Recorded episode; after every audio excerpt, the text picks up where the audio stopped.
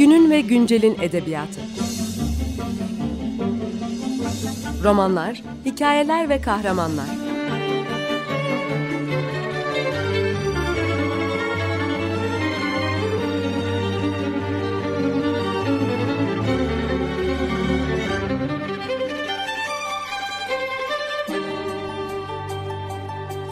Hazırlayan ve sunan Seval Şahin.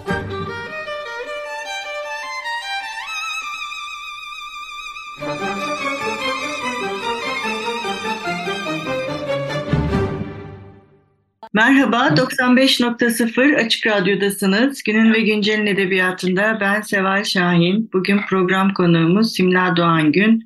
Merhaba Simla, hoş geldin. Merhaba, hoş bulduk Seval. Evet, bugün e, Simla ile birlikte e, ki e, dinleyicilerimiz hatırlayacaktır. Simla Hoca daha önce de bizim konuğumuz olmuştu.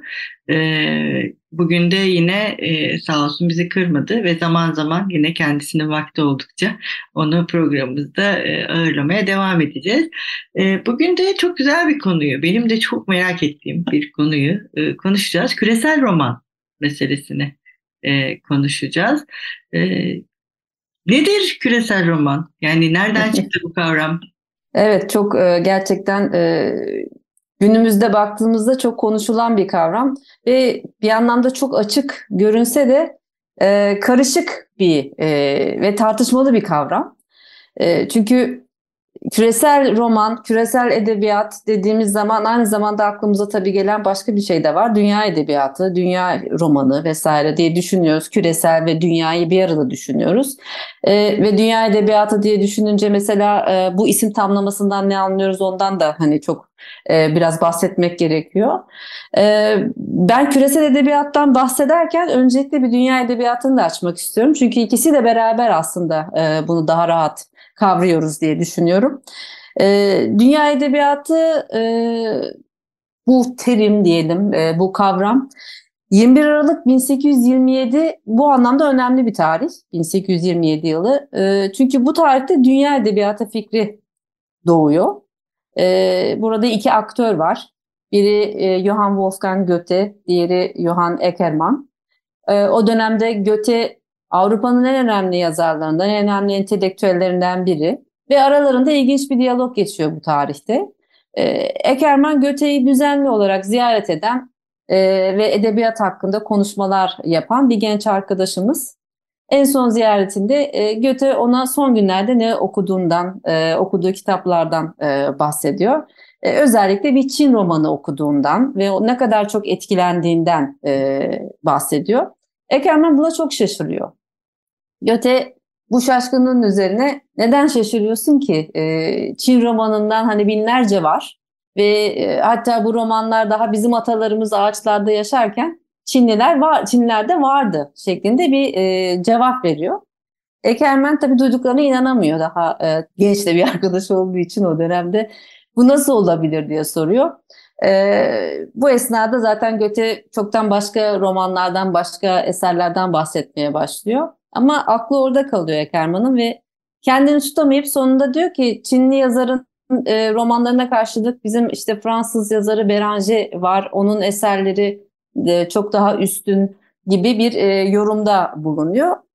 E, bunun üzerine de Ekerman tabii Çin romanıyla sürekli düşünürken hakkında sorular sormaya devam ediyor. En sonunda Göte rahatsız oluyor e, ve o meşhur cümleyi sarf ediyor. E, diyor ki ulusal edebiyat artık oldukça anlamsız bir terim. Dünya edebiyatı çağı yakındır ve herkes onun yaklaşmasını hızlandırmak için çabalamalıdır diyor. Ee, yani bu cümle aslında doğuş ortaya dediğimiz gibi bir e, te, terimin e, ortaya çıktığını görüyoruz.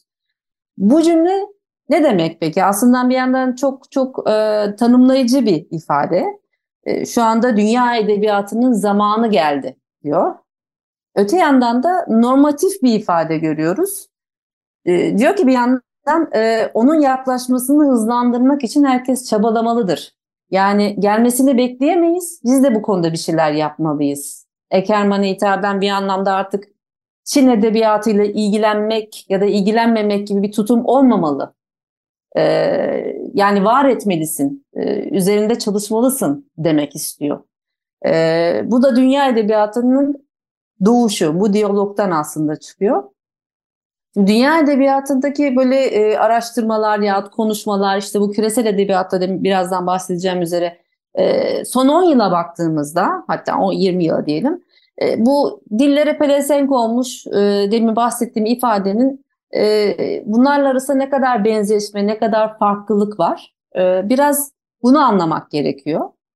E, bugünkü konjonktürde üretilen düşünce pratiklerinde dünya edebiyatı ne ifade ediyor? Dünya çapına yayılan edebi alışveriş alanını, edebiyata dair ede alışveriş alanını ifade ediyor.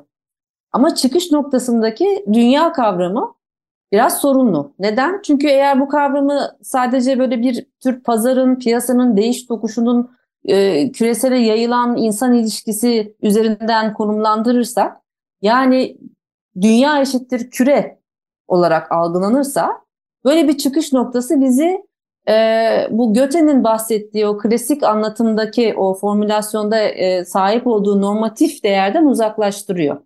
Küresel edebiyat haline getiriyor. Tabii eleştirileri de e, getiriyor beraberinde.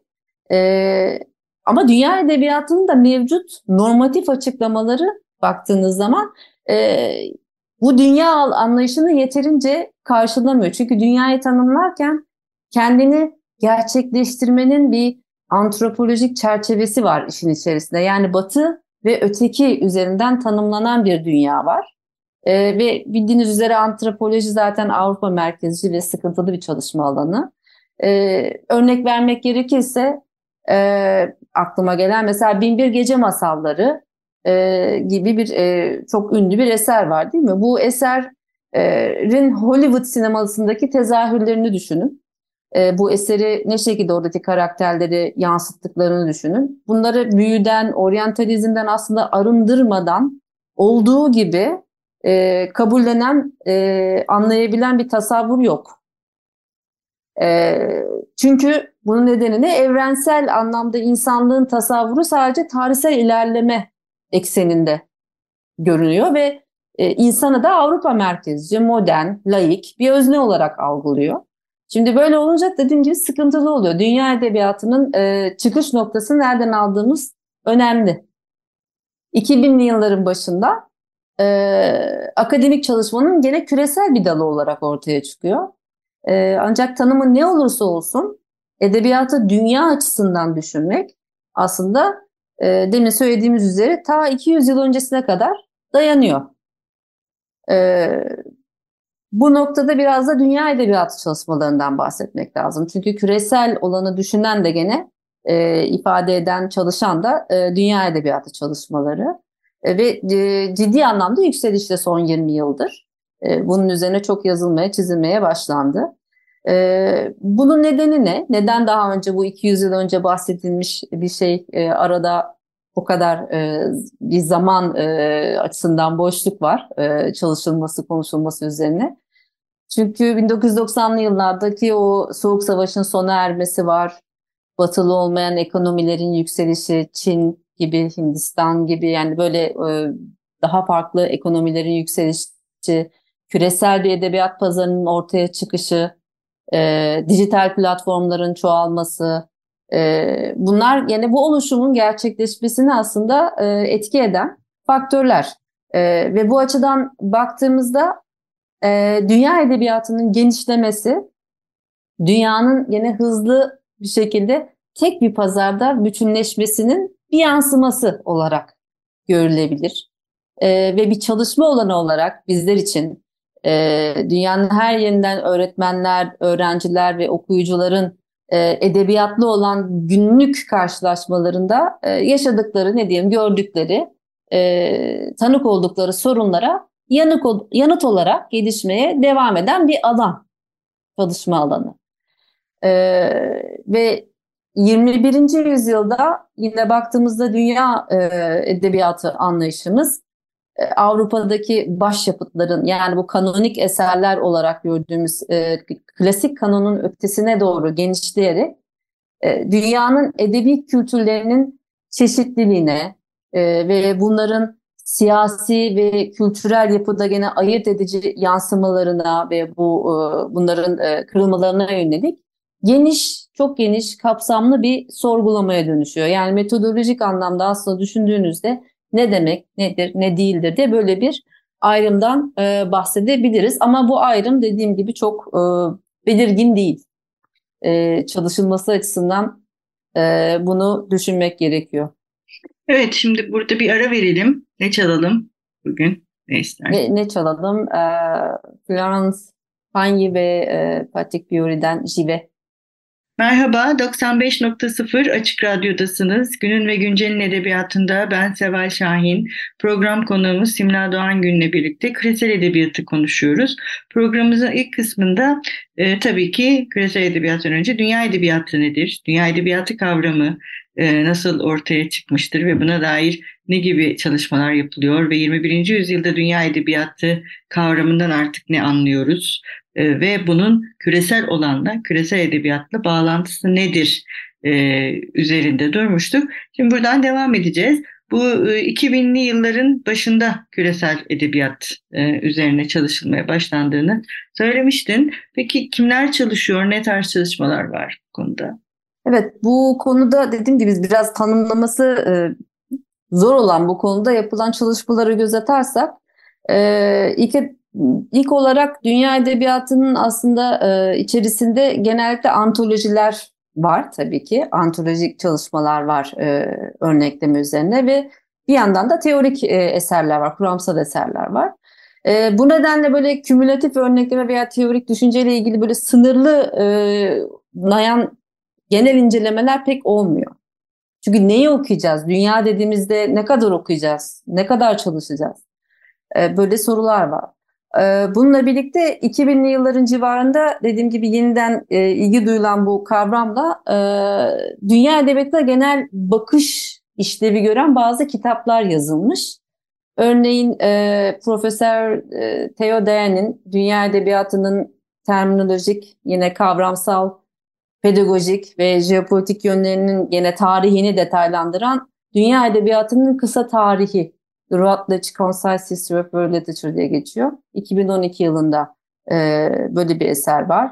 E, bu eserde gene Goethe'nin tanımları, işte Pascal Casanova, Franco Moretti'nin kuramları ve Avrupa ve Amerikan Akademisi'ne özellikle çalıştırıldığını görüyoruz.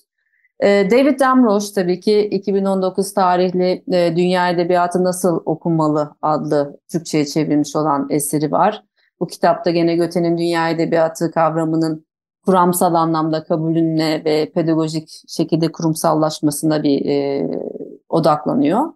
E, bu kitapta ayrı dünya edebiyatının okuyucularına e, metinleri e, sadece bilimsel olarak değil de kültürel ve evrensel özelliklerini hani tanımayı öğrenirken onların da e, bir nevi e, dünya edebiyatı kavramında aslında ne diyelim meydan okuma e, şeyleri de imkanları da veriyor. E, ve Bilgi Üniversitesi tarafından dediğim gibi Türkçe olarak yayınlanan bir eser 2009 yılında. E, bir diğer önemli eser Pascal Kozanova'dan e, Dünya Edebiyat Cumhuriyeti olarak çevrilmiş yanlış hatırlamıyorsam. E, The World Republic of Letters. Bu çok önemli bir eser çünkü Kazanova aslında burada biraz sosyolojik bir çalışma da yapıyor. Edebiyat sosyolojisine de giriyor. Dünya yazarı olmak için bir e, yazarın çekirdek kültür içerisinde okunması gerektiğini ama bu çekirdek kültürü de aslında edebi konularda yön ve kontrol sağlama konusunda ciddi bir güce sahip olan Fransız geleneğinden e, bahsetmekte, Paris'ten bahsetmekte. E, Kazanova herkes tarafından böyle kabul edilen büyük bir kültür merkeziniz varsa diyor, e, bunu bir tür Greenwich meridyeni olarak algılayabilirsiniz diyor. Yani burada okunması gerekir diyor dünya e, edebiyatının içerisindeki e, dünya yazarının. E, şimdi burada tabii bir bu, bu dediğim gibi bu anlayış var. Bir de dünyayı düşünmek, dünyayı algılayarak yazmak da var e, bir romancı açısından. Yani küresel olanın yaşanma biçimi nedir? Ben bunu nasıl öyküleyebilirim? Küresel bir yazım biçimi bu anlamda var mı? E, şeklinde bir e, soru da sorabiliriz. Çünkü dünya hakkında ne kadar çok şey aslında bilirsek, dünya hakkında e, anlattığımız öyküler de o kadar etkilenir ve onun üzerine anlattığımız e, hikayelerde yine kendimize olan bakış açımızı şekillendiriyor. E, ve edebiyat bu anlamda e, bu kavramlara çok temelden ilgili olduğu için e, kendi ne diyelim e, zamansallık kendi zamansallığını, kendi dünyasını kendisi aslında yaratıyor. E, ve bu durum e, çağdaş yazar açısından düşündüğünüz zaman nihai kitlesini yani son kitlesini ulusaldan ziyade dünya çapında gören, bu alanın farkında olan bir etkin yazar haline gelen aslında e, yazardır. Yani Kazanova bunu e, daha çok inceliyor ve bu durumu da kutsanma olarak tanımlıyor. E, ve başka bir anlayış var. Bu da Franco Moretti'den geliyor. Demin bahsettiğim konu. E, Uzak Okuma adlı bir kitap yazmış. Distant Reading adında. Ve bu e, eserde diyor ki dünya edebiyatının inceleminin bir yolu uzaktan okuma kavramıdır. E, çünkü dünyadaki tüm eserleri herkes okuyamayacak haliyle bunu biliyoruz ve bireyler olarak tüm dinlerde okuma kapasitemiz de yok. Bu nedenle e, Moretti'ye göre dünya edebiyatı e, teorisinden veya tarihinden bahsederken bu yakın metin okumalarından biraz uzaklaşıp daha çok büyük desenleri, büyük e, ne diyelim uzak modelleri görmemiz gerekir diyor. E, başka bir e, önemli kişi Lawrence Venuti var. O gene çeviri edebiyatların dünya edebiyatı üzerindeki içerisindeki önemini anlatıyor.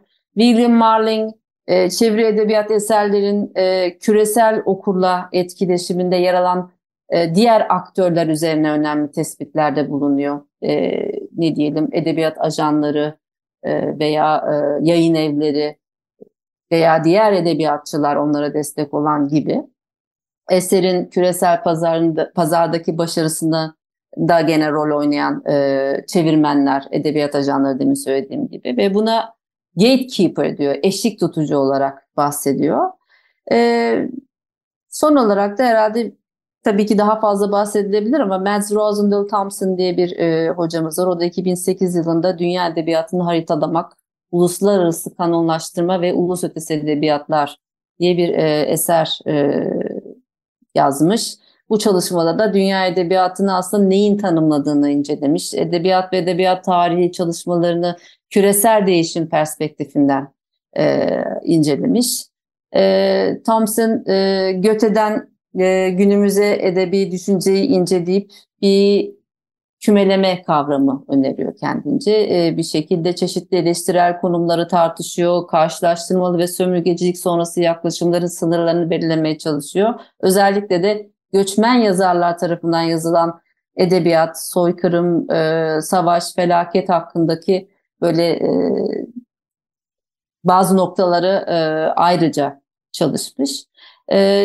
Ve dediğim gibi e, disiplinlerin yeniden düşünülmesi ve yönlendirilmesi açısından çağın gereği olarak yani dünya edebiyatı, küresel edebiyat kavramları ortaya çıkıyor ve önemli tartışma ve araştırma noktaları e, haline geliyor.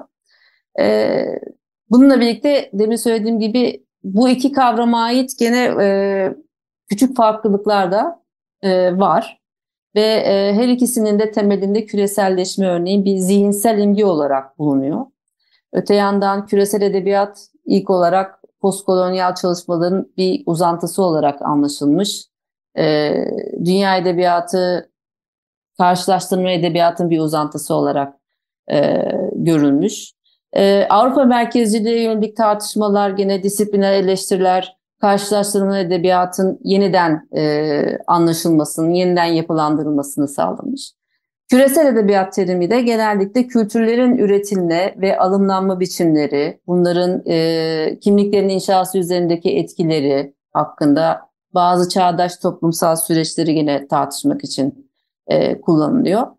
E, son olarak şunu diyebiliriz ki 21. yüzyıl e, yazın türü olarak küresel roman ve küresel edebiyat eleştirisi akademik e, ve entelektüel bağlamda e, uluslararası seviyede son 20 yılda gerçekten önem kazanmış ve e, hala da birinci ve ikinci eserler bu konuda üretilen birinci ve ikinci eserler önemli artmaya devam ediyor diyebilirim.